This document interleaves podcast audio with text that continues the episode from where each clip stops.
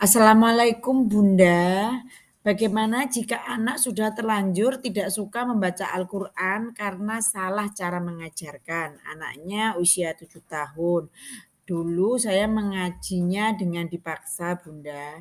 Jadi kalau belajar huruf hijaiyah tidak mesti tidak mau. Saya mencari sela kapan maunya tapi kok nggak mau terus dengan cara lain tetap saja juga tidak mau.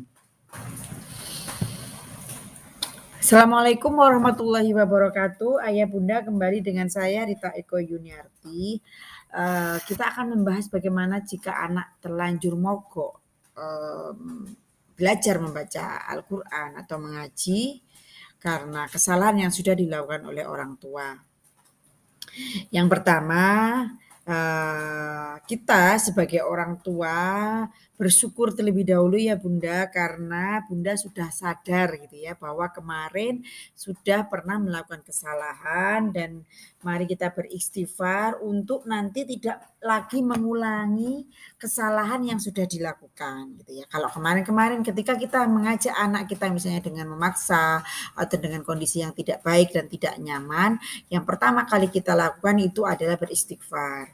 Kita memohon ampun kepada Allah, menyadari kesalahan yang sudah kita lakukan kemarin, dan kita berjanji untuk tidak mengulangi lagi uh, tentang cara-cara mungkin atau pendekatan yang kurang uh, baik kepada anak, utamanya terkait dengan belajar membaca Al-Quran.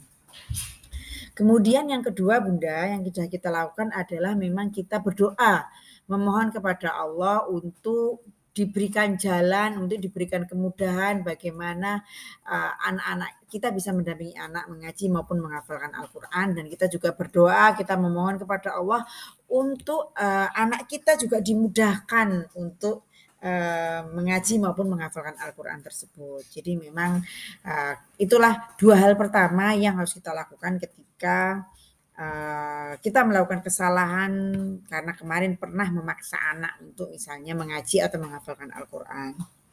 Nah, kemudian yang ketiga ya Bunda, jadi tentang istighfar dan berdoa ini jangan pernah lepas ya, jangan pernah berhenti gitu ya, karena memang uh, itu pertahanan pertama kita sebagai seorang orang tua, bukan hanya terkait dengan anak belajar membaca dan menghafalkan Al-Quran, tapi terhadap keseluruhan pendidikan anak gitu ya. Itu menjadi senjata kita yang utama, istighfar dan doa. Kemudian langkahnya bagaimana ketika kemarin kita sudah terlanjur salah uh, dalam pendekatan Al-Qur'an ini gitu ya. Nah, yang kita lakukan pertama-tama adalah dengan pendekatan hati. Nah, di sini memang dibutuhkan ketajaman orang tua dalam memahami anak gitu ya.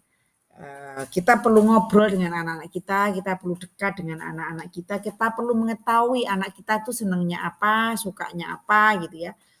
Apa yang dia inginkan, apa yang dia harapkan, apa yang ada di pikiran dia gitu ya. Yang memang kita dengan uh, pendekatan kita lakukan kepada anak-anak kita terutama adalah pendekatan hati supaya anak-anak kita, anak kita tadi itu ya dia uh, istilahnya sudah terpaut hatinya dengan kita, sudah senang dulu hatinya dengan kita gitu ya. Uh, jadi kita memperbaiki hubungan dengan anak.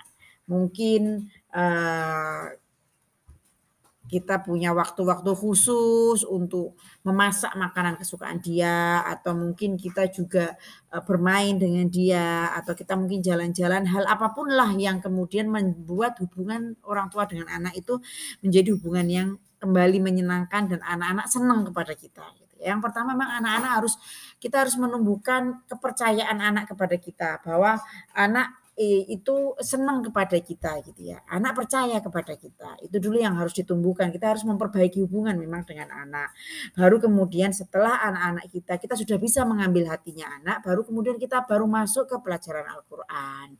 Nah, itu pun juga uh, istilahnya setelah sudah tidak ada lagi hambatan komunikasi dengan anak, tidak ada lagi Eh, ketakutan anak, kekhawatiran anak atau istilahnya apa anak-anak sudah tidak ada lagi kekhawatiran anak gitu ya. Jadi memang anak-anak sudah percaya kepada orang tua, anak-anak sudah eh, terpaut hatinya dengan kita gitu ya. Baru kemudian kita masuk lagi dengan program-program Al-Qur'an. Nah, tentunya ini kita bisa ketika orang tua mengetahui apa yang jadi senangnya anak, apa yang jadi uh, hobinya anak, itu maka kita bisa masuk, eee, Al-Quran bisa masuk melalui situ. Jadi misalnya anak senang membaca buku gitu ya, jadi kita mulai, eee, membelikan dengan Al-Quran yang warna-warni, misalnya seperti itu. Atau kemudian anak suka menggambar, anak suka mewarnai, atau anak suka mendengarkan, anak suka, eee, tidur misalnya, eee, suka, eee, sebelum tidur ditemani ibunya, diajak ngobrol, di